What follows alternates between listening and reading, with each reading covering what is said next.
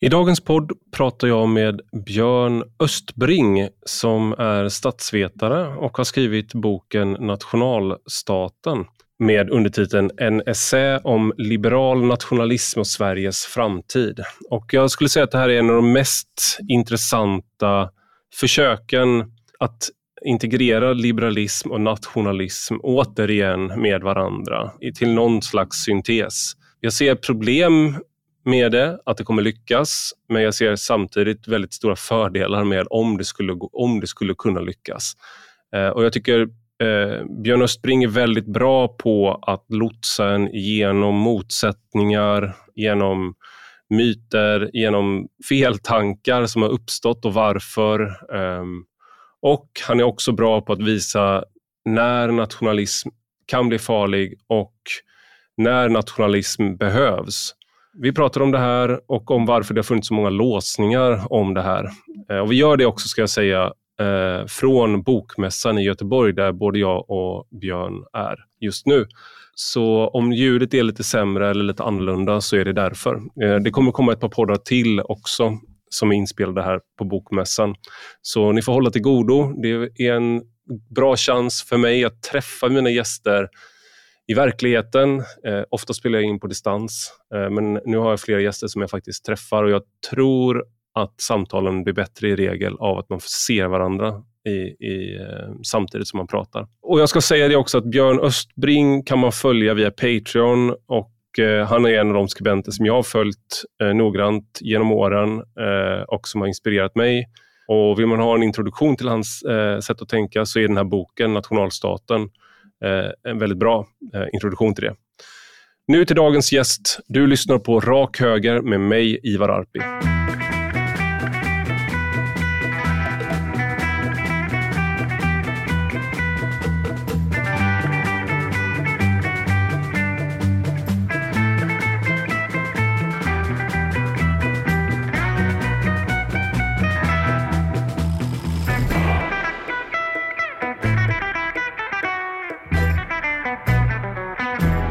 Välkommen Björn Östbring till Rak Höger. Tack så du ha. Vi ses här på Bokmässan eh, och eh, du var så snäll att stanna kvar en extra dag Eh, nästan bara för min skull. Kanske och för alla, alla lyssnares skull. Så ni ska vara väldigt tacksamma att vi har, har privilegiet att få prata med Björn Östbring idag. För du var här igår och pratade om din nya bok va? Precis, min bok Nationalstaten som kom ut för ett par veckor sedan. Precis. Och eh, det, det, är också, jag har ett egenintresse i den här boken som går utöver att det är saker jag är intresserad av och det är att du faktiskt har man har fått kunnat följa dig över tid i arbetet med boken. Eh, och Det har jag gjort. Och Man har också kunnat stötta dig eh, via Patreon eh, i arbetet med boken. och Det har jag också gjort. Eh, tills du nekade mig, tror jag, att jag inte fick stötta dig längre på, på något sätt. Du, du slängde ut Jo, men du slängde ut mig, så hörde jag av mig. Har du liksom eh, något sånt där? Det var någon sån där grej. Något eller var det tvärtom? Det var att du slutade prenumerera på mitt nyhetsbrev och jag fortsatte prenumerera på dig. Så var det nog. Ja, du, jag, jag minns inte detta riktigt. Vi får reda ut det efteråt. Där. så, så får vi se. Ja. Men du har i alla fall eh, skrivit, eh, man har fått ta del av den här processen. Eh, har, har, det varit någonting, vi ska gå vidare till själva boken, men har det varit någonting i den här liksom, att du skriver fram boken och folk kan komma med synpunkter längs med resans gång? Har det, haft någon, eh, har det varit bra? Kommer du göra om det? Rekommenderar du det? Jag kommer absolut göra om det och fortsätter så även nu faktiskt med olika idéer som jag testar på min Patreon. Och det är väl, eh, det, dels är det för, för synpunkternas skull, alltså det, det, är bra att få feedback tidigt som möjligt. Liksom. Eh, men sen är det också för egen del tror jag att sänka ribban för det, liksom, att, att komma igång och skriva om någonting. För när jag släpper någonting där så behöver det inte vara så polerat, liksom, utan det kan vara ett, ett ganska spretigt utkast. Liksom. Man bara försöka få ner tankarna på, på papper. Liksom. Mm. Eh, och det har nog hjälpt mig väldigt mycket i skrivprocessen, liksom, att inte lägga ribban för högt. För då är det lättare för mig i alla fall att börja skrika. Och så där. Så att allting som kan liksom, eh, sänka ribban är, är, bra i processen. Och det här har nog varit en, en ganska effektiv taktik eh, för mig faktiskt. Eh, på det planet. Så man kan fortsätta följa dig och dina fortsatta äventyr i idéernas värld via din Patreon? Precis, jag start, återstartade den faktiskt med skrivandet där för, ja. för några veckor sedan när jag kände att men nu, nu måste jag börja komma igång med, med skrivandet igen. Och så, så att, eh, det går bra. Det är också en annan syn på, vad ska man säga, forskning eller liksom, det här är ju en, eh, en essä kallar du det själv. Och det, det är ett annat sätt att se på det än den här en, liksom bilden av att någon så att säga, går upp i elfenbenstornet och sen fyra år senare så kommer det en bok på 500 sidor där man har liksom tvingat eh, verkligheten att eh, liksom ge ifrån sig sanningen mm. och sen så har man tryckt ner den på papper. Liksom. Mm. Det här är mer en, en annan process. Mm. Nej, absolut. Den är ju liksom skriven just lite essayistiskt, att, att liksom tankar får liksom, um, nystas upp snarare än att man i, som i akademin ofta slår fast en hypotes eller en, ett argument som man driver och sen så försöker man driva det, eh, poängerna i, i, land så att säga och underbygga dem. Och, och det här skrivsättet är ju mer tvärtom, att man liksom nystar i saker och så kommer en slutsats på, växer fram och, och slås fast på, på slutet mer i resonemangen. Mm. Och jag tycker att det, det är både roligare att läsa den typen av texter och, och eh, men det är också, tror jag, pedagogiskt eh, alltså, ehm, fördelar i att inte bli serverad en, en, en, slutsats och sen så ska man bara köpa argumentationen efteråt. Utan lite mer ett, ett öppet förhållningssätt, liksom, att man diskuterar sig fram med läsaren nästan. Eller liksom, eh, det, det, det, är mer sympatiskt sådär och jag tror att också att det är lättare att ta till sig ny information och nya tankar genom att ledas fram eh, och så, inte, inte att någon kör ner ett argument i, i halsen på en. Så att säga. Och du har ju också det här eh, hemska ordet enligt vissa jag i din bok. Mm, ja. Och att man får veta, man, liksom, du är med i den här, mm. som, som då i, i den här genren, att du är ja. med och utforskar det här ämnet. Mm. Och Det gör ju också att din, en risk med det, skulle vissa akademiker säga kanske, är att din auktoritet som förmedlare av kunskap försvagas. Mm. För att då är det inte att du kommer ner mm. så att säga med stentavlorna mm. som du har varit uppe och fått. Eh, så att säga, så här ligger det till. Utan du är, mm. det, det, är ett samtal, du tar emot synpunkter. Har, har det varit någon kritik som du har fått från eh, Eh, nej, jag tror att de flesta eh, liksom förstår att jag inte skriver ur forskarrollen. Jag är helt med dig att, att många tycker jag missbrukar forskarrollen ibland och säger, liksom, liksom menar på att men, politikerna lyssnar inte på forskare och sådär. Men forskare är oeniga om allt möjligt. Liksom. Och jag tycker ju att den rollen man ska ha eh, nästan oavsett ens kunskapsbakgrund är ju att att kliva ner som jämlike nästan. Alltså det är argumenten och, och, och, informationen man har förmedlat som, som ska vara övertygande. Uh, inte att man liksom kommer från en, en, position från ovan och sitter på sanningen automatiskt. Liksom. Uh, så det är väl det liksom humanistiska draget i att man tilltalar läsaren som jämlikar. Liksom. Mm. Det är det stilidealet som jag har. Liksom. När essän växte fram, vad man, jag, kan, jag kan inte franska, men Montaigne, eh, ja. han eh, var den som man säger så här, uppfann essän. Mm. Det kom ju samtidigt som uh, upplysningen började komma, som mm. att, man, att det fanns en sån läsare också, mm. som man kunde tilltala som en jämlike. Precis, det fanns en, en mottaglig läsekrets som man kunde gå i dialog med eller liksom adressera på det sättet. Mm. Det är helt riktigt. Och den här boken, nu ska vi gå in på ämnet, men det, annars är det ju en alltså att forskning ska vara tillvänd till makthavare eller till eh, peers, så att säga, till folk som också befinner sig i forskningsfältet. Det fyller sin funktion. Men den här boken är väldigt eh, lätt att läsa, just för att den är skriven i essäformat. Men ämnet är kontroversiellt, får man säga. Eh, och du var en av dem under 2014-2015 som eh, du fick väldigt stort genomslag i mina cirklar i alla fall, via Facebook för det du skrev om, ja, men om nationalstaten, men om migration, om hur vi hanterade, hur vi pratade om det. Eh, är det någon slags inspiration till att du ville gå vidare med den här boken? Att den liksom, upplevde du själv så? För det var mycket så här, jag fick mycket länkar till Facebook-inlägg av Björn Östbring och, och sådär. Och det, jag upplevde då också, ska jag säga, att du gick från att ha varit kanske någon som folk eh, till vänster om mig gillade till att vara någon som folk Eh, inte till höger om mig, det vet jag inte om det går, höll jag på att säga. Men, men kanske folk som hade mer mina uppfattningar, som upptäckte dig då. För jag kände till dig sedan innan. Mm. Men då var det många som upptäckte mig och tipsade. Men så fick jag säga, jag vet faktiskt vem det är. Mm. men var det där någon, någon positionsförflyttning som du själv märkte under migrationskrisen och däromkring? Ja, lite grann så. Alltså jag tyckte det var jobbigt eh, så att säga. Att, att det var ju väldigt, väldigt känsliga ämnen på den tiden. Ja, det var faktiskt nu 2015, sommaren, där, som jag började skriva om det. Så det var väl ännu värre 2014 möjligen. Men, men, eh, och sen kom flyktingkrisen och det var väl liksom lite crescendot. Men eh, jag tyckte det, väl var, det var rätt jobbigt att skriva om det just för att ja, men vän, min vänkrets och Eh, min krets på, på universitetet, institutionen och så där, så var det här väldigt känsligt. Och, och ehm, nej, men det, det, var jobbigt att skriva om dem just för att man eh, kände det här sociala trycket att, att eh, det här var så väldigt kontroversiella saker. Så det slets mellan det här liksom, ja, sociala trycket i någon mening och sen så samtidigt som min analys av politiken och samhälle pekade mot att men, de här uppfattningarna i, i, min sociala krets eller så, de, de, är inte rimliga och de är inte hållbara. Eh, jag måste försöka förändra, på dem, förändra dem. Liksom. Så jag var verkligen kluven och tyckte det var rätt jobbigt att skriva om det. Eh, men var, det, var det då du var doktorerade? Precis, jag hade precis kommit fram, tillbaka från föräldraledighet och var lite, hade lite svårt att komma in i mitt gamla ämne som var med den tidig moderna staten. Mm. Och då började jag, så började jag skriva lite om migrationsfrågor och sen slutade det faktiskt med att jag bytte ämne då och började skriva om om eh, migrationsfrågor inom, inom liberal politisk teori då, eh, inom akademin. Så det slutade helt enkelt med att jag bytte ämne helt och hållet. Och, och så. Ehm.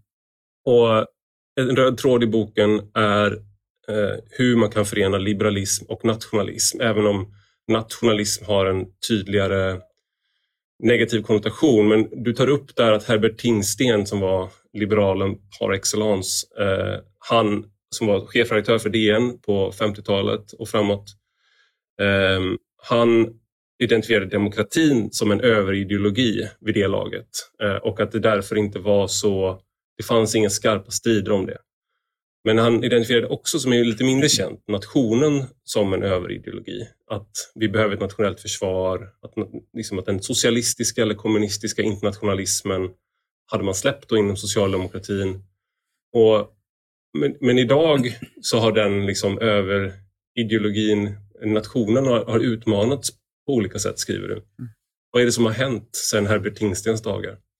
Ja, alltså Tingsten själv... ja, precis. eh, nej, men Tingsten själv var inte nationalist i någon mening, utan det, det är ju bara en, en eh, hans idé, idéhistoriska eh, framställning av, av den svenska politiska utvecklingen där. Att, att det uppstod ett slags konsensus om, om nationalstaten som ramen för de olika politiska projekten, vare sig de var till höger eller vänster. Och eh, jag tycker väl att, att eh, det är väl det som har hänt de senaste decennierna då, att, att både idépolitiskt och i praktiken så har man frångått det. Och, eh, och det är lite märkligt och jag, jag, kan tycka att det är märkligt när man liksom målar ut då, eh, högerpopulister och högernationalister som att de kommer med någonting radikalt nytt och de hotar den rådande ordningen som ju var så stabil och bra och så vidare utan att man erkänner att det har hänt någonting i mainstream så att säga de senaste decennierna. Där har man gjort stora liksom, positionsförflyttningar idépolitiskt och i praktiken då kring migration och integration. Eh, där man har lämnat nationalstaten som, som den förgivettagna liksom, ramen för, för de politiska projekten och, och staten och medborgarskapet. Så. Eh, och den tendensen att ignorera den förändringen där tycker jag är lite eh, anmärkningsvärd faktiskt. Och då har det någonting som du tar upp som hur vi pratar om de här sakerna som ett exempel på just hur man framställer då att eh, det vi kallar högerpopulism eller nationalpopulister eller vad vi nu, vad vi nu ska använda för begrepp. Eh, det är den här Galtan-skalan. Eh, kan du, för du har en ganska eh, liksom bra kritik mot att använda den skalan. Eh, vad, vad, vad är den kritiken? Ja, alltså den, den fångar upp eh, en viktig dimension, alltså värderingar och, och, och identitetsfrågor och synen på tradition och allt möjligt. Eh, så att det är inte själva de frågorna som man lyckas eh, använda för att fånga upp människors attityder. Men, men man sätter ju då eh, termerna här då, traditionalism, auktoritarianism och nationalism. Det är TAN-lägret då. De är ju väldigt negativt eh, förknippade termer. Liksom. Och, och jag jämför då med, med det är som att man skulle använda höger-vänster-term, eh, liksom vänsterskalan, fast man då bytte ut det mot laissez-faire-partier eh, mot kommunistpartier liksom, och kommunistpartier och pratade som att oj, ja, men nu rör sig eh, Socialdemokraterna åt eh, kommunisthållet eller nu, nu bryts laissez-faire-sidan upp i den svenska politiken. Liksom. Att, att om man pratar så så blir det väldigt polariserat direkt. Alltså, mm. När det handlar om positioner inom, och en balansgång i vänster och högerfrågor som, som man borde kunna diskutera på helt andra, andra sätt. Inte liksom, åh du är kommunist eftersom du vill liksom, eh, begränsa vinst. skatter med 10 öre. Ja, precis. Liksom. Eller, du är kommunist för du vill begränsa liksom, vinst i välfärden. Liksom. Mm. Det, det är fördummande. Liksom. Men inom de här kultur, kulturdimensionerna av politiken så, så använder man den typen av termer. Eh, och, och, det bidrar ju till, tror jag, att, att, det målas, alltså, att bilden av att det är en ofrånkomlig, kompromisslös kamp mellan liberalism och nationalism. Då, mm. exempelvis. Och GAL står för uh, Green Alternative Liberal, mm. eller? Libertarian. Libertarian. Mm. Uh, och jag tycker det ibland har det varit intressant för att då placerar man Miljöpartiet som ett gallparti till exempel. Mm. Men om det är något parti som vill, att, som vill använda politiken för att inskränka människors liv så har Miljöpartiet varit ett av de partierna som vill gå längst. Sen kan man tycka att det är nödvändigt. Man gör den analysen som de gör. Mm. Men de har velat gå väldigt långt i det. Ja. Samma med Vänsterpartiet också velat gå väldigt långt i det. Och det är därför de gick ut med det här memot in, under valrörelsen nu då, att ni får inte prata om att vi ska få folk att sluta äta kött och att vi ska liksom, livsstilsförändringar för folk gillar inte det. Mm. Så vi, vi, har den politiken men vi ska inte prata om den. Eh, och då är det ju, eh, om man tänker på vad är någonting som är auktoritärt, mm. så skulle man kunna tolka det som auktoritärt. Ja, medan, medan en politik då som drivs av de som befinner sig i tann, att man ska ta bort eh, så här, ja, uppdelningen i föräldraförsäkring till exempel, skulle man kunna beskriva som en libertariansk eh, ja. liksom, linje. Men, men då får man liksom, när man, om man säger det jag säger nu, jag hör liksom själv att det låter skumt eh, för att mm. man har liksom accepterat så långt ja. hur det ska vara. Mm. Så känns det som att någon kommer säga, men du fattar vad jag menar. Mm. Liksom. Ja. Och man bara, ja okej. Okay. Ja. ja, precis. Nej, men det, det, är, det är nog väldigt mycket att, att de här termerna jag har läst den, jag tror att det är den första eh, artikeln som de forsk, den forskargruppen som, som lanserade den här skalan gjorde. Och det, det, jag får känslan av att de här termerna är bara en efterhand så här, shit vad ska vi kalla den här skalan egentligen? Ja men det är ju lite grönt, lite alternativt där, lite, lite, ja men vi bara smäller ihop de termerna så. Och då, det gör ju hela saken lite daterad, alltså det är liksom en, ja just då sammanföll de här lägerbildningarna kanske hyfsat liksom. Men det är ju absolut, jag menar, ursprungligen så, så de som lyfte miljöfrågor först, det var ju ofta konservativa som i USA då till exempel så hela alltså nationalparksväsendet så att säga, den idén är ju en konservativ idé och så vidare. Hur får man in G i tang? Det blir tang istället. Ja. Det är, ja, jag sa det precis innan också att, att eh, en av mina favoritförfattare, J.R.R. Tolkien, som skrev Lord of the Rings, han var ju otroligt konservativ. Alltså han var så konservativ att han inte är konservativ. Han är, man måste hitta på ett annat ord nästan. Alltså jag, tror, jag, tror, att han ville ha en kung istället för demokrati. Så konservativ var han. Så det är liksom tradition så som det var på 1800 han var, han var traditionell och konservativ med den tidens traditionella och konservativa mått. Eh, men han var väldigt, väldigt mycket för miljöfrågor och klimatfrågor och allt sånt där. Så han hade, liksom, han hade varit någon konstig... Han hade inte passat in i dagens system. Han går inte att placera in där. Sverige då, någonting som du tog upp där, mainstreamen har förändrats eh, och någonstans har folk försöker säga att okej, okay, ni kanske inte gillar Sverigedemokraterna eller den typen av partier, men de svarar upp på en efterfrågan för en viss typ av politik som inte har funnits i de traditionella partierna.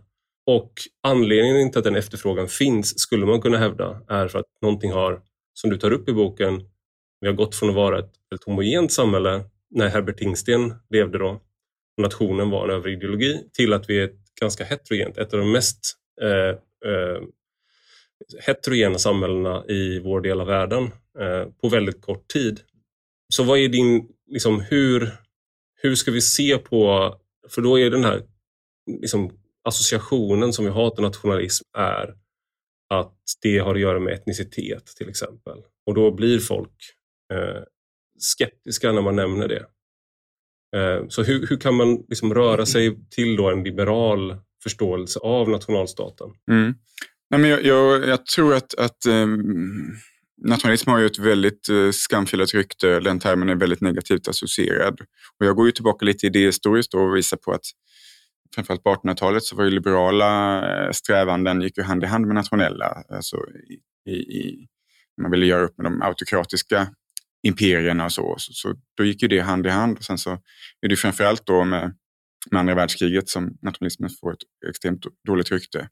Men jag gör väl lite grann poängen att det är också efter andra världskriget som nationalstaten egentligen är, är som mest eh, förverkligad i någon mening i, i Europa. Eh, och att det liksom också har bäddat för stabila, välfungerande demokratier och liberala samhällen. Det, det är någon slags märklig paradox där för mm. att de här stabila nationalstaterna var också, alltså om man går tillbaka till, som du gör i boken, eh, till när libera, liberala nationalister. Många av dem kämpade för sitt språkområde och för liksom en eh, eh, demokrati och liberalism och det kunde möjliggöras in att man fick ett självstyre inom många etniska imperier. Så där var det ingen motsättning. Och sen eh, så att, eh, liksom, Richard Wagner, som inte är känd för någon frihetskämpe, han, han var ju och kämpade på barrikaderna i Pariskommunen och sånt där. Eh, han, så att hans liksom, det, det, var inte, hur, hur mjuk övergången var från det, den liberala Richard Wagner till antisemiten mm. eh, Richard Wagner vet jag inte. Eh, men det fanns sådana kopplingar som idag känns helt... Alltså det mm. känns som att det är olika personer. Det ja. går inte att rymmas i mm. samma kropp. Liksom. Mm. Sen hade man första världskriget, mellankrigstiden och andra världskriget. Det skedde enorma omflyttningar av människor. Och då, efter andra världskriget så har vi ju ganska hyfsat homogena stater i Västeuropa och, och Östeuropa mm. också för den delen. För då har man liksom, så att man har, man har det på något sätt, det var en utrensningspolitik, omflyttningspolitik. Så har man en nationalstat som är ganska homogen. Mm som är på något sätt serverad. Ja. Nej, men det är ju det som är den historiska paradoxen. Alltså att, att, att framväxten av nationalstaten är extremt eh, våldsam i många fall. Och inte minst i, i Östeuropa och, och sådär. Det är liksom, och där, därifrån kommer ju nationalismens dåliga rykte naturligtvis också. Och, och, och nazismen och alltihopa.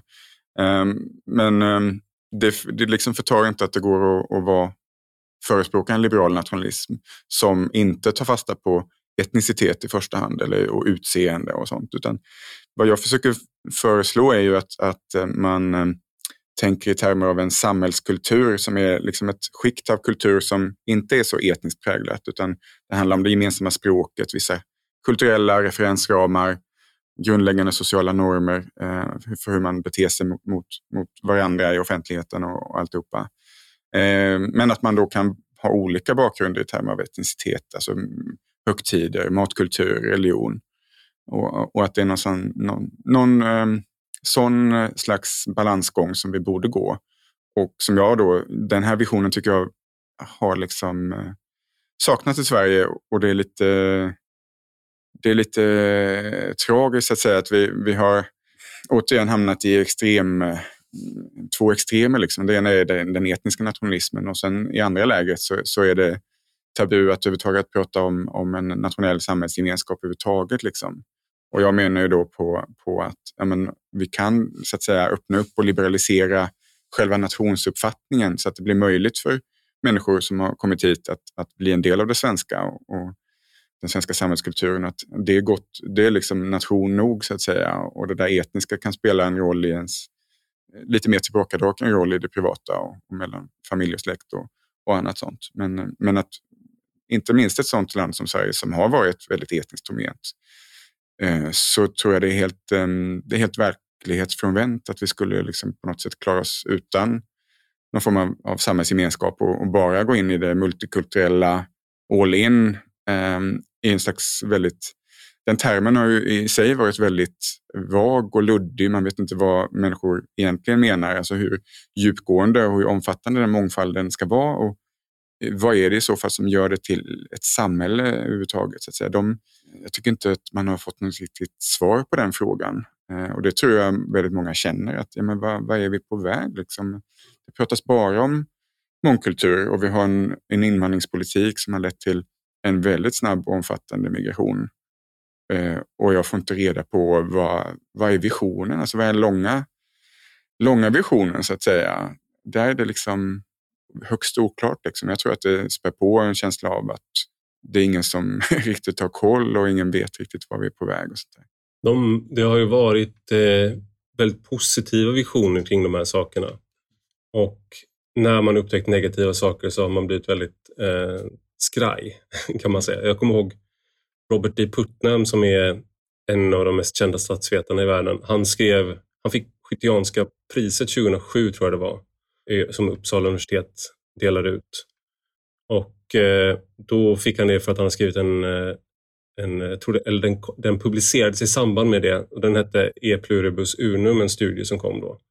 Som visar vad som händer i eh, när de, i om, områden som präglas av mångfald. Och Han myntade då begreppet hunkering down, att folk blir liksom inte, man engagerar sig mindre men man engagerar sig inte heller mer inom sin grupp utan du blir bara deltar mindre, du kollar mer på TV och sådär. Det var inte en särskilt trevlig eh, slutsats.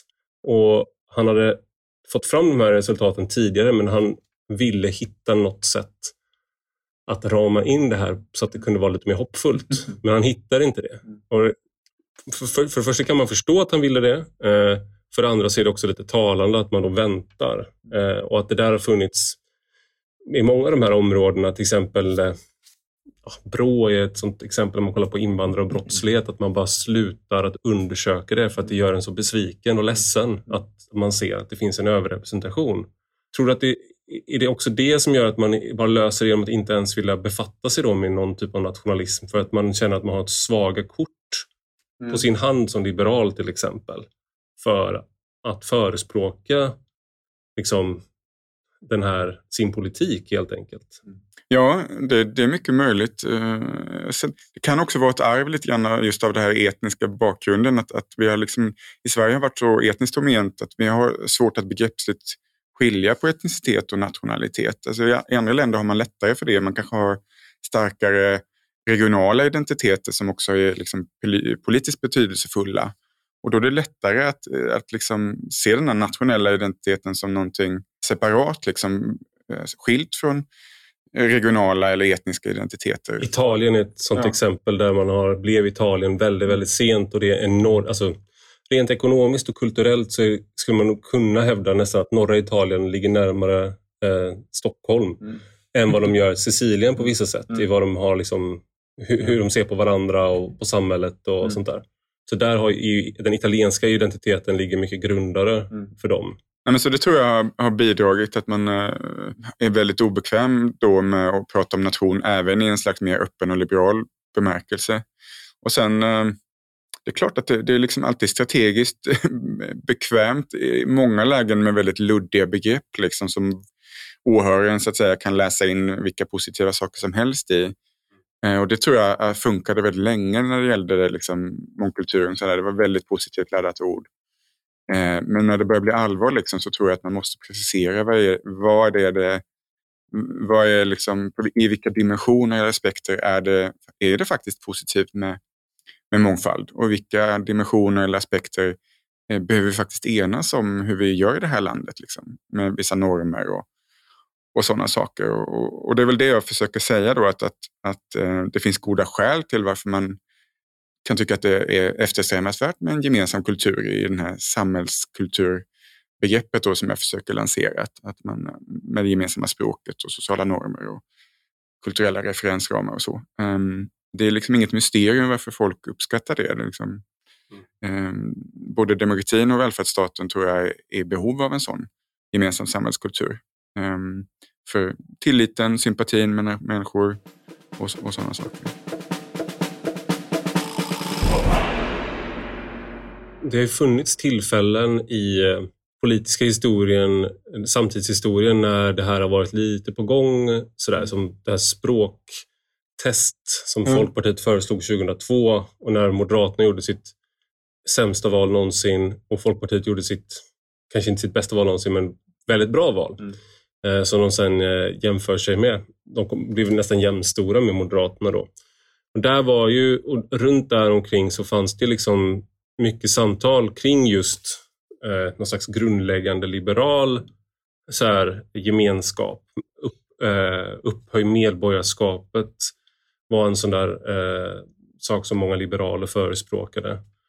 Nu eh, upplever jag som att många av de där förslagen är de är inte lika kontroversiella och de känns kanske som att det kanske har äh, gått så långt i... Äh, vi har haft en så stor migration att, och segregationen är väldigt stor även om man uppförstorar medborgarskapet, även om man har språktest. så bor man ändå skilda åt. Mm. Så att många av de här åtgärderna, om man, hade, om man inte hade kallat Lars Leijonborg för rasist mm. 2002, mm. kanske var för sent då också, men det var i alla fall på gång då. Mm. Utan man hade anammat det. Då kanske vi hade haft en eh, då kanske vi hade kommit närmare Björn Östbrings vision ja. idag. Ja, men, eh, men absolut, alltså, det tänker jag ofta att, att den här boken som jag har skrivit, jag hade så gärna önskat att jag hade jag eller någon annan eh, hade kunnat skriva den för 20 år sedan. Den, den hade haft mycket bättre möjligheter att, att eh, liksom kunna förverkliga den visionen. Och nu känner jag som du där att, att vi är sent ute. Liksom. Mm. Men jag tror, jag tror eh, att det, kan, det finns risker här då att man liksom tar i med storsläggan bara för att oj, oj, nu är liksom sista minuten här. Jag tror nog att det man ska tänka mer på det är att man måste ha längre tidsperspektiv istället. Alltså för jag tror att det finns väldigt stora risker med att göra för mycket för snabbt. Eh, Har du några exempel på var man kan gå för långt då för någon slags, eh, man tänker en, eh, någon som är bakfull och som ska göra, ta en återställare och bara blanda ihop tabasco och liksom så här, skada sig själv? Nej, jag vet inte, men, men lite väl hårda tag som skapar liksom, ytterligare motsättningar i samhället och, och leder till liksom, politisk mobilisering av alla möjliga slag. så att säga. Jag tror att man inte man kan inte tro att det här är liksom något som man kan liksom byta riktning hur snabbt som helst, utan det är lite av en oljetanker som man måste vända, eh, vända skutan eller riktningsförändra under ganska lång tid. Alltså man måste tänka är du den här lilla grävskopan som försöker gräva loss den här oljetanken som fastnade i Suezkanalen? Ja, precis, precis. Bända loss med en bok så här. Ja. Eh, nej, men, eh, men jag tror att man måste tänka i termer av flera decennier. Liksom, att, att vi, vi gör en riktningsförändring och, och det kommer ta en jäkla tid. Eh, och vi kommer behöva acceptera att vi har stora problem. Liksom. Att, att, jag tror att, att um, Sverige är dåliga på att leva med problem, så att säga. Det är därför vi förnekar dem väldigt länge. Mm. Och sen blir vi väldigt ivriga när vi väl har accepterat dem på något sätt. Och jag tror att det är inte helt det är inte ett helt sunt drag i den svenska politiska kulturen. Så där. Men Eh, vi får nog lära oss leva med, med imperfektion och problem eh, över lång tid. Liksom.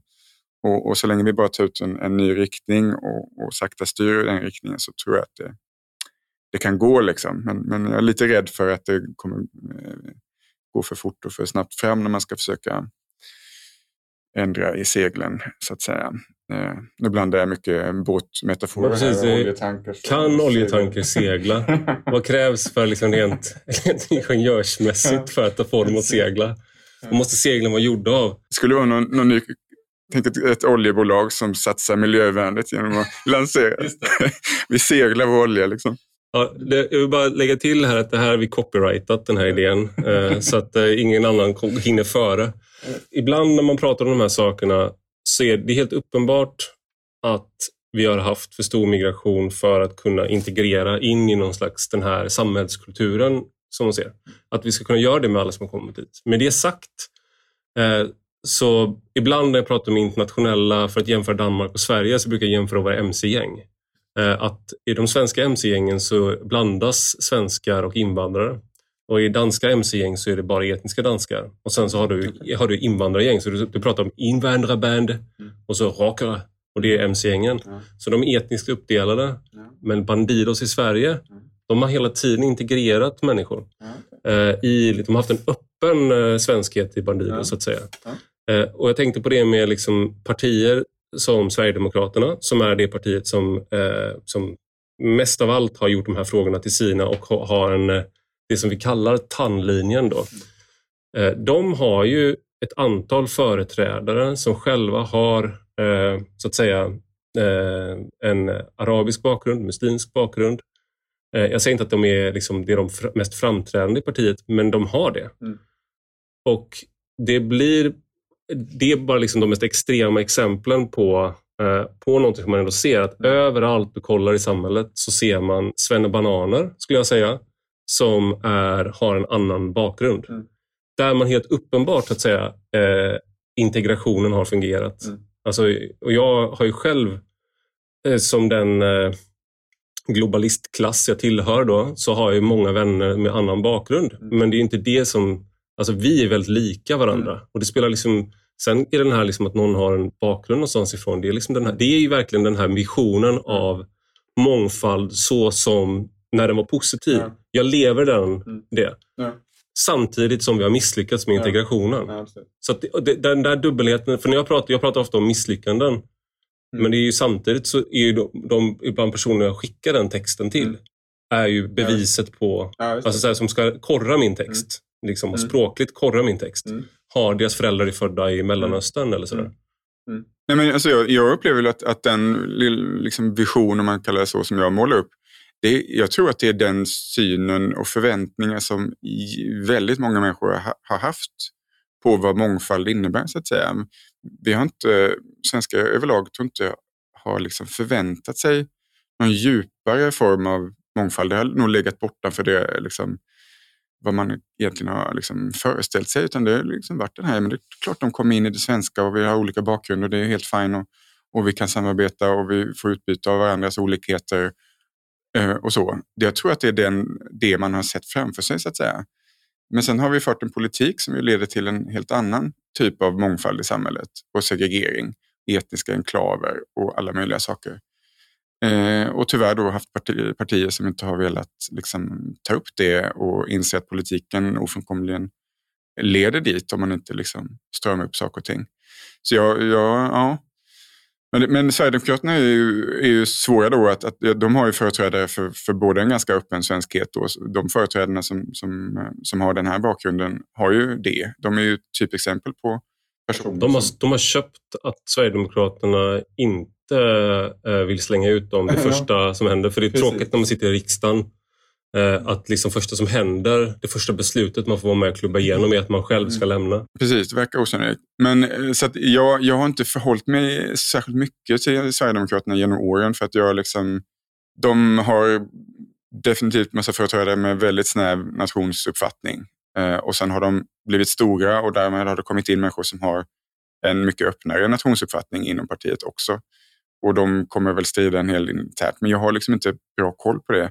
Utan egentligen allting som jag har skrivit har egentligen varit vänt sig mot ja, eh, socialliberaler, socialdemokrater och sådär. Försöka liksom väcka dem och, och förstå att men, ni måste tänka ut någon samhällsvision här som är, är hållbar balans mellan, mellan frihet och, och gemenskap. Eller frihet, jämlikhet, samhörighet. Alltså de här klassiska värdena från, från franska revolutionen och framåt. Som, och, och där jag menar då att man har varit kanske lite blind för det här mänskliga behovet för, av, av samhälls, eh, samhörighet och, och gemenskap. Sådär. Att det är det tomrummet som har skapats och då fyller man inte det med någon slags positiv eh, liberaldemokratisk vision, ja men då kommer andra politiska partier och företrädare eh, liksom försöka utnyttja det behovet och, och eh, den, den processen är liksom nästan ofrånkomlig. Men tyvärr har det varit extremt svårt att få gehör tycker jag. Alltså, ja. Det är någonting med liberalism eh, som är... Å ena, å ena sidan har liberalismen segrat på väldigt många sätt. Att man hittar eh, självutnämnda liberaler i nästan alla partier. Eh, men att de också det som är liberalism, att människor har en, en, en inneboende rättighet till vissa saker eh, som kanske är ärvt av kristendomen i viss mån. och sådär. Eh, yttrandefrihet, mötesfrihet, alla de här, liksom, det man kallar, det därför man lägger till liberal demokrati, för att det är vissa rättigheter som individen har, som medborgaren har. Det har ett otroligt stort stöd i de flesta partier. Mm. Eh, samtidigt som liberalismen, alltså de som är liksom politiska liberaler, mm. har väldigt svagt mm. stöd. Mm. Det gör ju också så här, eh, människor, och det, en sak som jag, det, jag vet inte vad du ska svara på det, men eh, om man kollar på gerillor runt om i världen som kämpar, så finns det marxistiska gerillor, finns islamistiska gerillor, finns nationalistiska gerillor, finns kristna gerillor och sådär också och hinduiska liksom, extremister. Det finns inga liberala gerillor vad jag vet. Nej, det är en bra observation. Jag har faktiskt inte tänkt på det, men det, det är tänkvärt. Mm. Och det, det, är som att när jag tänker på liberalism som en, eh, nu ska jag deklamera poesi, jag tänker på det som en orkidé. Okay. Och, eh, så det, är, det är någonting, när du har rätt liksom, för orkidéer är så känt, känsliga. Mm. De behöver leva på liksom mellan 1600 och 1700 meters höjd. Det måste vara rätt luftfuktighet. Sånt där. Och där finns liberalismen. Men om det är så grundläggande saker som trygghet, eh, kan jag få bröd på, på bordet? Mm. Eh, då vänder sig människor till mer liksom, omfattande eh, ideologier och, och samhörigheter. Mm. Absolut. Mm, jag kan väl känna, jag är, när jag pratar om liberal nationalism och sånt, det liberala här, alltså liberalismen, jag ser det mer i den här breda bemärkelsen, det öppna samhället, så, och inte specifikt ideologiska liberaler här och nu så att säga. Jag, jag menar med det är inte Annie Lööf du pratar om? Nej, eh, men det liberala eh, samhället, marknadsekonomin, det här moderna samhället, liksom, mm. det är i grunden liberalt samhälle. Även om, om då politiskt sett så är liberaler ganska svaga. Eh, så det, det, är liksom i den meningen jag använder eh, termerna här när jag pratar om, om liberal nationalism. Att det är en, en nationalism som är förenlig med det liberala och liberaldemokratiska samhället som vi har. Eh, men det här med, med, med att, att liberalismen är en känslig planta så att säga. Det jag kan störa mig ibland med, med eh, ideologiska liberaler det är ju att de kan vara lite självförhärligande så att säga. Att allt det goda är ett utlopp för liberala institutioner och rättigheter och så. Det är liksom, liberalismen är lösningen på ett antal problem. Eh, och jag tenderar väl att vara i den fållan som, som mer tänker på att, eller ser liberalismen som ett, ett utlopp som vi ska vara glada för så att säga. Eh, men det kommer av att vi har löst ett antal grundproblem. Mm. Då blir vissa liberala eh, saker möjliga. Liksom. Och, och, det tankesättet, alltså det, det, man vänder på steken lite grann då. Um, jag, jag, men jag tror att det där principiella förhållningssättet har ju gått bet ett antal gånger. Alltså vi har det här med, med eh, liksom påtvingad demokratisering utifrån, olika nation, liksom demokratiseringsprocesser eller så, eh, statsbyggnadsprocesser med, med Irak och Afghanistan och sådär. Det fanns en tid där man, vissa inflytelserika personer verkligen trodde att det gick att bara ge ett land en, en liberal och demokratisk konstitution så, så var demokratin up and running. Liksom. Mm. Um, och att liksom, demokratin och liberala rättigheter och så är lösningen som gör att alla kan leva i fred och välstånd. Liksom. Jag är mer benägen på att se det liberala samhället som eh, ett resultat av en lång historisk process. Liksom. Eh, där tyvärr liberala tänkare ofta glömmer bort den processen och tar en massa saker för givet. Liksom. Ehm, det är det jag liksom försöker påminna om här, hur man har tagit nationalstaten väldigt mycket för given. Eh, och då är det lätt att på ett ideologiskt plan påpeka att ja, men, uh, de liberala principerna de innebär ju det och det och det och det strider ju mot en nationalstatlig policy i det här avseendet. Så. Alla människors, det är en sån här sak som återkommit när jag har debatterat de här frågorna uh, och jag har ju då haft vad jag uppfattat tidigare i alla fall en liberal eh, konservativ utgångspunkt. Alltså när jag var på Svenska Dagbladets ledarsida. Mm. Om jag ska vara ärlig så har det aldrig varit särskilt viktigt för mig, men det var viktigt för andra. Lite som att man måste skriva enligt lag vad, som, vad liksom ett bröd innehåller för ingredienser. Så mm. måste man ange vissa saker mm. för att få vara med i debatten. Mm. Eh, så då har jag angivit det. Eh, mm. jag vet inte om liksom, jag har, ingen, jag har inget klubbkort eller så. Eh, men då har det varit just det här med att den liberala visionen är global. Och då har vi haft, Galtan har varit en skala, en annan har varit eh, globalist mot eh, nationalist till exempel. Eh, sen tyckte vissa i Sverige i alla fall att globalist som term var antisemitisk. Men, och det kanske den är, eller det är den när den används antisemitiskt, mm. att man gör det som en likhetstecken med en judisk konspiration.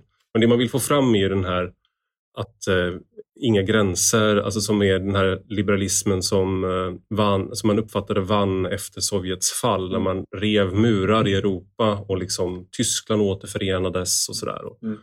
Och, och nu håller du med den här boken på att bygga upp de där murarna mm. igen och säger att, liksom, och det är så, så jag uppfattat det som att en del har bemött mig, att man, du vill liksom bygga Berlinmuren igen. Mm. Om, om inte liksom fysiskt så i alla fall mentalt på något sätt. Jag tror att det, just med, med liksom 1989 och där liksom liberalismen vann och sådär, alltså det är så himla, man är så historiskt blind då för vissa andra processer. Alltså, eh, när Sovjet föll samman så bildades en rad nya nationalstater. Liksom.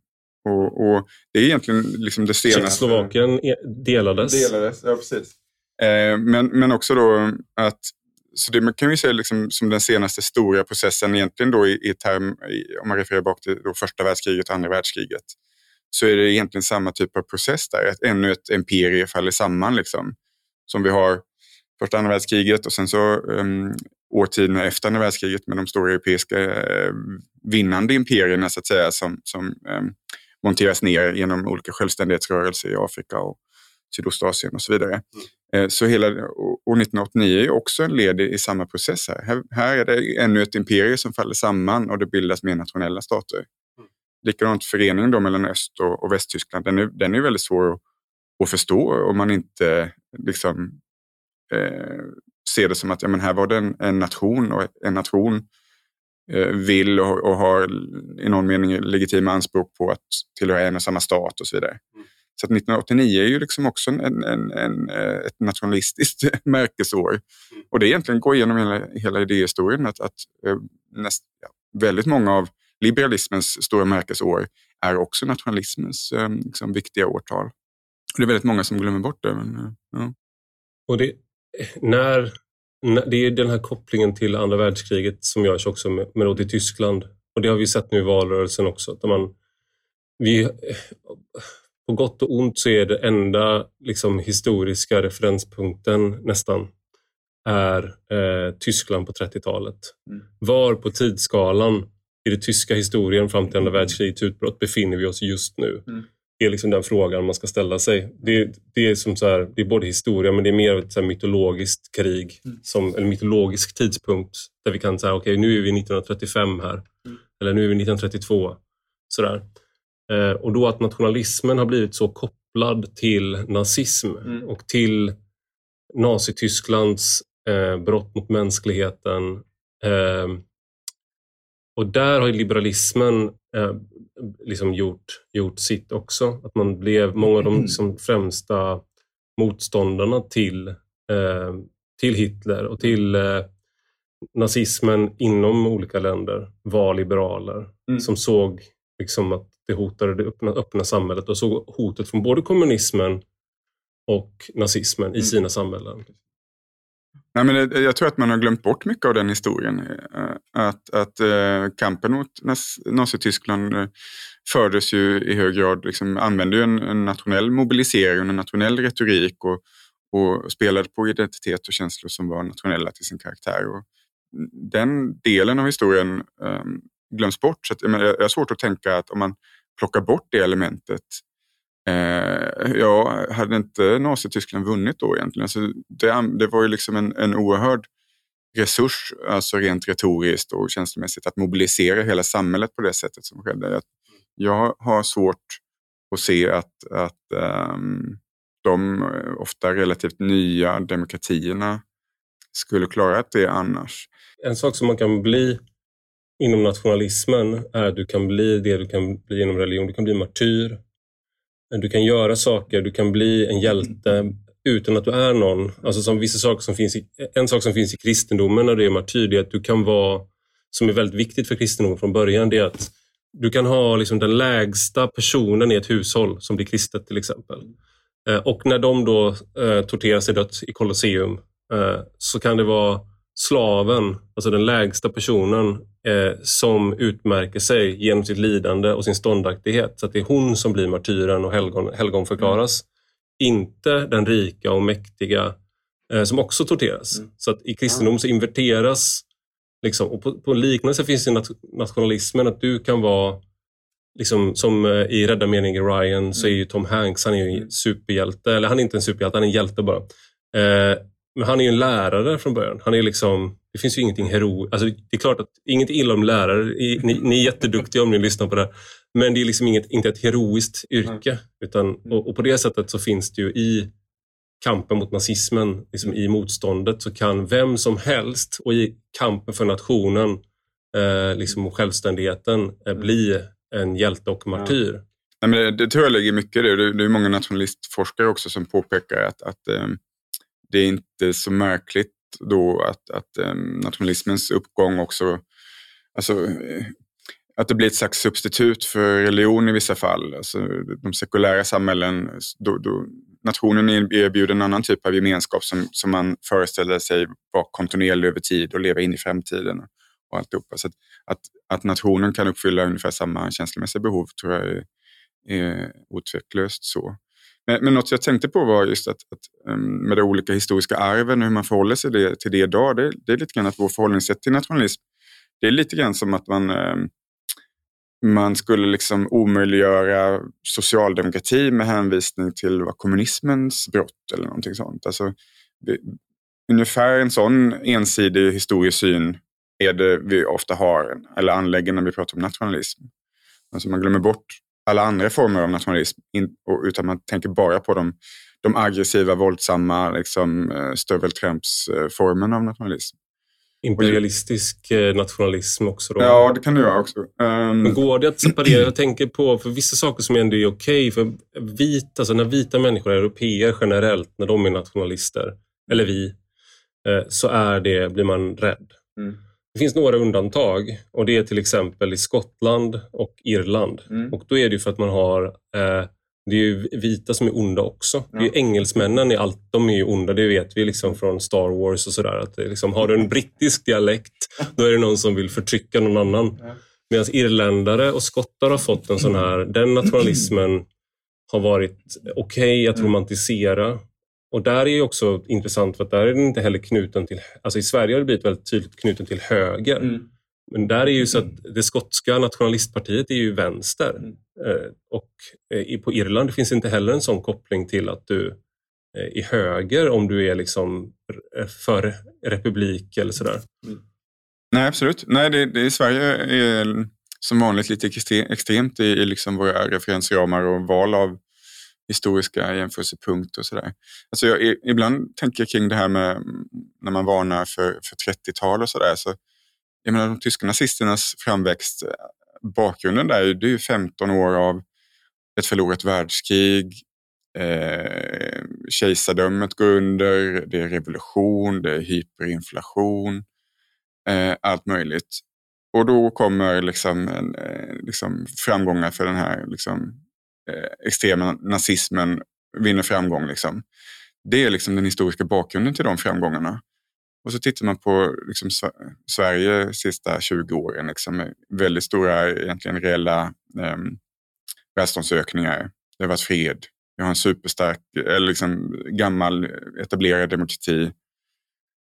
Så tänker jag bara liksom, de som har varit styrande under den här perioden och sen så kommer och varnar för att nu, nu är det nazism som står för dörren eller nu är vi 30-tal igen.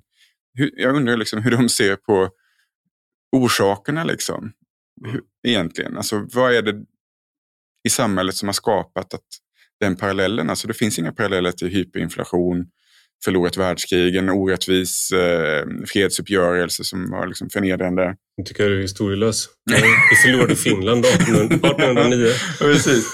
Men jag, jag bara liksom, det är så, så svårt att, att eh, förstå lite grann. Alltså man, man har ingen trovärdig teori för hur någonting sånt kan uppstå igen då Framförallt inte om man inte heller erkänner någon form av ansvar för den politik som har förts, så att säga, att den kan ha bidragit till att folk är väldigt missnöjda och drar sig till, till rörelser som man då inte, inte gillar. Um... Det finns ju en sån här teori som, när, första gången som jag hörde begreppet globalist, det var i en essä av Jonathan Haidt.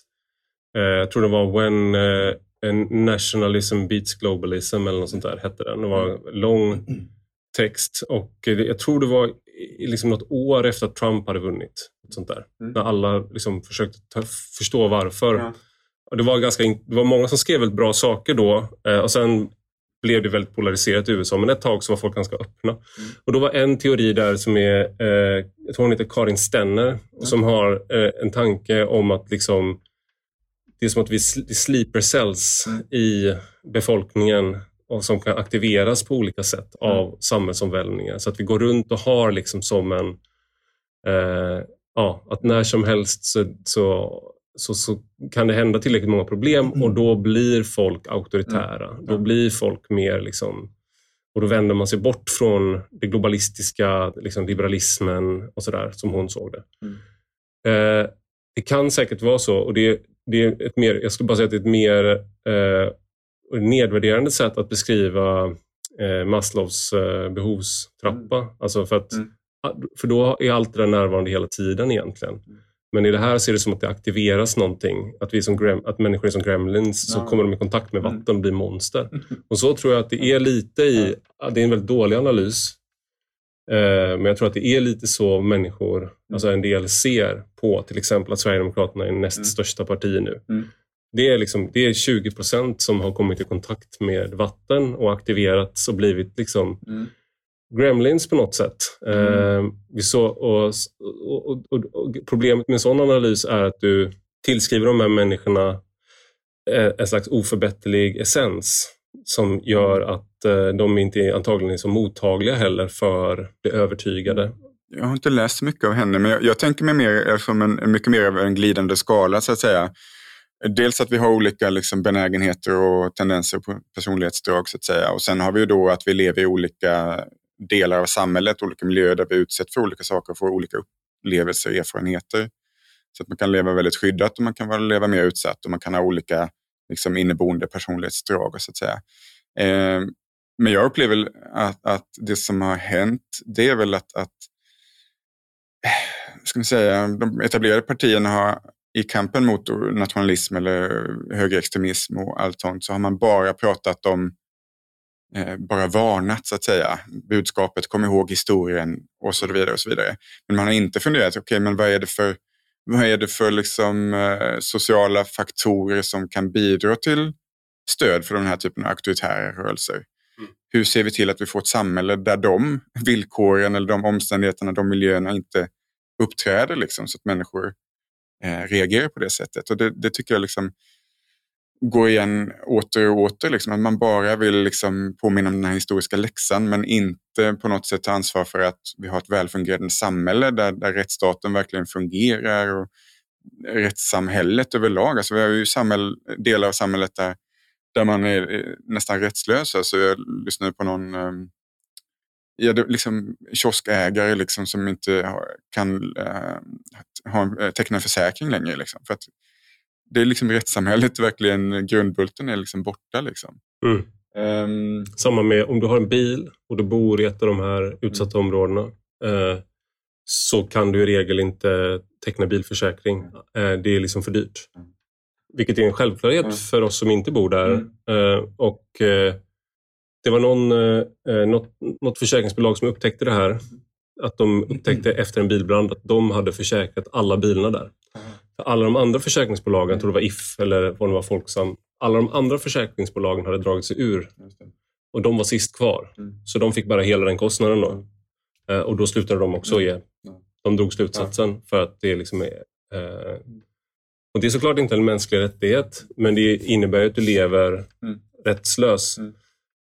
Det här blir också intressant då för att borde inte det, om man då tänker sig att man befinner sig på Galtanskalan, i libertarianismen så finns det en grundläggande att staten ska sköta Mm. de här grundläggande uppdragen. Mm. Men du skulle inte placera in det du säger då, till exempel att man har rätt till eh, ja, men grundläggande rätt till trygghet, att det skulle vara Mm. något slags liberalt. Mm. Du, du, skulle, du hamnar ju direkt på tandskalan, Björn. Mm. Ser du inte att, Ja. du, blir, att du låter auktoritär? Ja. Nej, men det är det där liksom att, att jag tänk, många liberala tänkare tar vissa saker för givna. Liksom. Framförallt en välfungerande stat och man funderar inte riktigt på vad, vad krävs för en välfungerande stat och ett, ett modernt massamhälle så att säga. Att, Jag tycker man bör se det som ett, en, en, en eh, historisk utveckling som inte på något sätt är någon given sak så att säga. Att de här moderna massamhällena med, med välfungerande eh, statliga institutioner och rättssamhälle och så att de växer fram och fungerar. Det är liksom ett, ett samspel mellan, mellan kultur och institutioner. Ehm, men, men väldigt många liberala tänkare har en tendens att, att tänka lite formalistiskt. Så att säga. Om vi bara sätter, sätter institutionerna på plats formellt, liksom, liksom skriver lagstiftning och konstitution på rätt sätt och, och bygger upp institutionerna så, så kommer allt funka. Liksom. Men, men det är alltid ett samspel mellan individ och, och samhällsinstitutioner. Det är väldigt svårt, alltså bara en sån här sak om man tänker det liberala, ett liberalt samtal då. Eh, det, det, den här, det öppna samhället det bygger också på att du bemöter människor i sak med argument. Eh, liksom att du försöker upprätthålla någon slags civiliserad, eh, ett civiliserat samtal eh, och att du inte går över till våld eh, när du tycker att någon har fel. Men det bygger också på att du argumenterar i sak till stor del. Om du bara är personangrepp och liknande skulle jag inte räkna det som ett civiliserat samtal. I samband med att jag har skrivit böcker och sånt där så och fått förfrågningar att vara med i debatter så har jag upplevt att även liksom, universitetsanställda, liksom, myndighetsföreträdare, de som, som är det när du är på universitetet, då har du en skyldighet att möta människor i debatt alltså, och delta i det offentliga samtalet och att svara på frågor hur du har gjort saker. Eh, jag har inte kunnat liksom få, ut, få, få svar från myndighetsföreträdare. Ibland har det tagit, liksom, tagit ut på ett år innan man kan få svar. De drar sig ur debatter och liknande. Och det är inom vissa fält där de helt enkelt underkänner den här, det här öppna samtalet. Mm. Eh, men på pappret så arbetar de i det mest öppna mm. samhället. Alltså, det är inget fel på några papper som styr dem. Det finns, alltså, allting som står är att de ska svara och det är jättefint. Mm. Liksom. Och det är offentlighetsprinciper, de ska lämna ut dokument. Liksom. Mm. Alltså det, all, allt det där finns. Men det är inte det som sker i verkligheten och då är det för att vi inte, de inte delar eh, den, liksom, vi delar inte den gemensam Eh, kultur i mm. hur man ska ha ett civiliserat samtal helt mm. enkelt. Um, där är liksom ett tecken på... Jag tänkte jag skulle bara... Uh, uh, jag ska släppa dig snart, men en intressant utveckling är ju Ukraina-kriget, tar du upp i slutet av boken. För du, du, du, skriver också att det mesta har skrivits före Ukraina-krigets utbrott och vi som har följt det vet det eh, liksom, och, och, känner igen en del och sådär. Eh, men då tar du upp att Francis Fukuyama då, som är någon slags... Eh, han måste väl vara en av de viktigaste profeterna i, liksom, i den liberala religionen. Eller vad man ska säga. Men det var han som skrev The End of History som är den mest missförstådda och också den mest refererade artikeln på, det här, på temat. Liksom. Och han skrev en, en artikel, tar du upp, i, under våren 2022, alltså efter invasionen i Foreign Affairs med titeln A country of their own, liberalism needs the nation. Eh, och han menar att Ukraina visar att det är hög tid för liberaler att omvärdera sin inställning till nationen. Och sen tar du också upp då, eh, kanske inte en källa av samma dignitet, men en källa som är viktig för många liberaler och det är tidningen, tidskriften Liberal Debatt. Eh, där två framträdande liberaler, får man säga, eh, liberala intellektuella, eh, skriver en linjetext om Ukraina-kriget där man så säger man att man Ukrainakriget tvingar oss liberaler att inse att vi måste värna och stå upp för nationalstaten. Kan du förklara varför Ukrainakriget är en sån liksom, uh, wake up and smell the coffee moment för uh, uh, liberaler? Eh, jag tror att det, det punkterade lite grann den, den rådande bilden av den här kampen mellan liberalism och nationalism. Alltså det gick att peka på den förstå världen i de termerna väldigt mycket innan. Och man kunde peka på Polen och andra östeuropeiska länder och peka på den farliga liksom, utvecklingen, nationalistiska utvecklingen som innebar att man... Och Orban säger att han är för en illiberal ja. demokrati uttryckligen. Ja, precis. Så då, då liksom, alla de där utvecklingarna faller in i mönstret. Så man kan peka på att ja, nationalistiska rörelser de vill bort från EU, de vill bort från demokratin, den liberala demokratin. Um, men Ukraina, då, då sammanföll plötsligt liberala strävanden och, och nationella strävanden igen. Så det blir lite så här 1800-tal igen i den meningen att här strider faktiskt en nation som vill gå i liberaldemokratisk, väst, liksom EU-vänlig riktning mot ett imperium som vill förinta deras nation. Liksom. Mm. Så plötsligt så, så, så linjerar de här två strävandena igen. Mm. Eh, och, och, jag tror väl att det låg lite på lut i alla fall hos en hel del liberala eh, tänkande människor att omvärdera. Men jag tror att, att uh, Ukraina-kriget kanske satte fart på den utvecklingen. Jag vet att liksom bara... Eh, Så åtminstone det får vi tacka Putin för. Precis. Precis. Jag minns att alltså, bara på någon vecka efter krigets start så hade jag liksom tre stycken förfrågningar om att liksom hålla föredrag och sånt där. Liksom. Mm. Så det var någonting... Så du profiterar på kriget? Precis, jag är krigsprofitör. Ja, precis. eh, precis. Ja. Jag tänkte en sista fråga. eh, är, ibland säger man ju att en konservativ eh, är en liberal som har blivit rånad. Och du arbetade som, jag har följt dig du är en av de här som var tidig med sociala medier. På den tiden var vi en enda stor glad mm. familj. Så man var kompisar för att man mm. hade varsin blogg. Absolut. ungefär. Absolut. Man länkade varandra och sådär. Mm. Eh, och man kunde så här höra av sig till någon man aldrig träffat. Bara mm. För att de har skrivit blogginlägg som man mm. kommenterat på. Bara, Hej, jag är i din stad. Vill du träffas? Ja. Liksom. Och så var man vänner. Eh, så så upplevde jag att vi var vänner på det sättet, Absolut. även om vi inte hann träffas. Då. Och Sen hade du en tid när du eh, typ eh, liksom hoppade av lite grann och jobbade som eh, lastbilschaufför. Mm. Då blev du rånad. Mm. Har det här, har det här eh, påverkat liksom dig på något, förutom det djupt obehagliga i den händelsen, har det påverkat din syn på Sverige, på politik? Alltså kan man se sådana spår liksom, att det satte igång saker hos dig då? För det här är väl 2013 ungefär? Eh, 2010. 2010. Mm. Satte det igång mm. så här tankeprocesser som man kan sen se i... Är du en, har du blivit, är du en eh, eh, liberal nationalist? Är du en liberal som blev rånad och blev liberal nationalist? Nej, nej det är jag inte. Uh, nej, vad ska man säga om det? Jag tror att den perioden då när jag körde lastbil, och jag hade flyttat ner till Skåne då och, liksom bodde i Malmö Eh, det, jag tror att jag kom ut, alltså det var ju distributions, eh, liksom, eh, all, ja, det var paket och det var alkohol och tobak. Det var när jag körde tobak då som jag blev rånad för den värdefulla lasten. Då. Men, men då, såg, då kom jag ut till mycket små orter och sådär. Och, och, på den tiden då, det var ju före SD kom in i riksdagen, då var det liksom en hel del analyser. Då, liksom, ja, men de verkar ju växa en hel del. Och, ja, men det är ju ute i de här små orterna, liksom, man träffar ju inga invandrare där. De, de sitter där och är rädda för de vet ju inte vad de träffar inga. Liksom så. Och jag insåg ju när jag var ute och körde i de här orterna att det var, ju, det var mycket tvärtom så att säga. Att, att eh, invandringen var mer påtaglig i de orterna därför att där är det bara ett centralt torg till exempel. Mm. Eh, ett bibliotek och man rör sig och man är också mer van vid en liksom mer familjär eh, social interaktion. Liksom. Mm. Medan i Malmö kan man ju liksom eh, titta ner i marken och man lever väldigt parallella liv och så. Så att liksom, när jag umgicks med mina kompisar på Möllan så hade jag ju liksom, ärligt talat mindre interaktion med, med invandrare än vad man hade i byarna så att säga. Det var mycket mer påtagligt när man kom ut där. Mm. Så, eh, så jag insåg att den analysen, att, att, att det saknas kontakt, så att säga, den, den, det var ju ett helt det var liksom ett hjärnspöke, hjärnspökeanalys, liksom, en väldigt tillrättalagd analys. Så det var lite sådana saker. Men sen var det väl också att jag det var väldigt mycket rån och, och annat, inbrott och sånt. Eh, då, när jag körde tobak till exempel. Jättemånga to- kioskinnehavare, små livsmedelsbutiker som var utsatta för brott och sånt.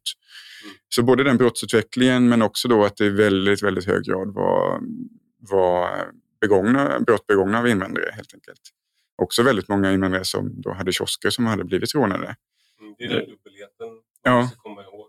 Verkligen, och den, den ja, ja, jag fattar inte hur man har liksom blundat väldigt mycket för de här kriminella och problemen med, med kriminalitet och verkligen eh, struntat i alla de människorna som bor i de här utsatta områdena och deras situation. Alltså. Mm. Det är helt eh, groteskt. Alltså. Men i alla fall, eh, så det var väl att jag fick upp ögonen lite grann för brottsutvecklingen och sånt. Sen själva brottet, eh, jag blev alltså instängd i lastbilen bak i lastutrymmet och eh, de körde iväg och skulle liksom lasta av den någonstans och sådär. Men det var någon, någon som, privatperson som såg det hela och ringde polisen så det blev en biljakt. Eh, väldigt svängigt där bak i lastutrymmet kan jag säga. Ja. eh, och eh, det slutade med att de fick parkera bilen och försökte fly och så där gjorde de. Mm. Men eh, det som var mest, eh, liksom, som suttit i längst, det var att, att i hovrätten sen eh, så kom de med nya uppgifter och menade på att jag var med på det. De hade liksom gjort en deal med mig. Och helt obegripligt så eh, gick hovrätten på det. De sa att de inte kunde, det gick inte att utesluta. Så de friades alltså mot brott begånget mot, eh, mot mig. De, de, de dömdes för stöld. Liksom. Stöldgodset var ju otvetydigt. Men eh, inget rån mot mig. Och fri, det var ju olaga frihetsberövande då. Och Eh, och skadestånd och grejer som de skulle betala och det, allting det ströks.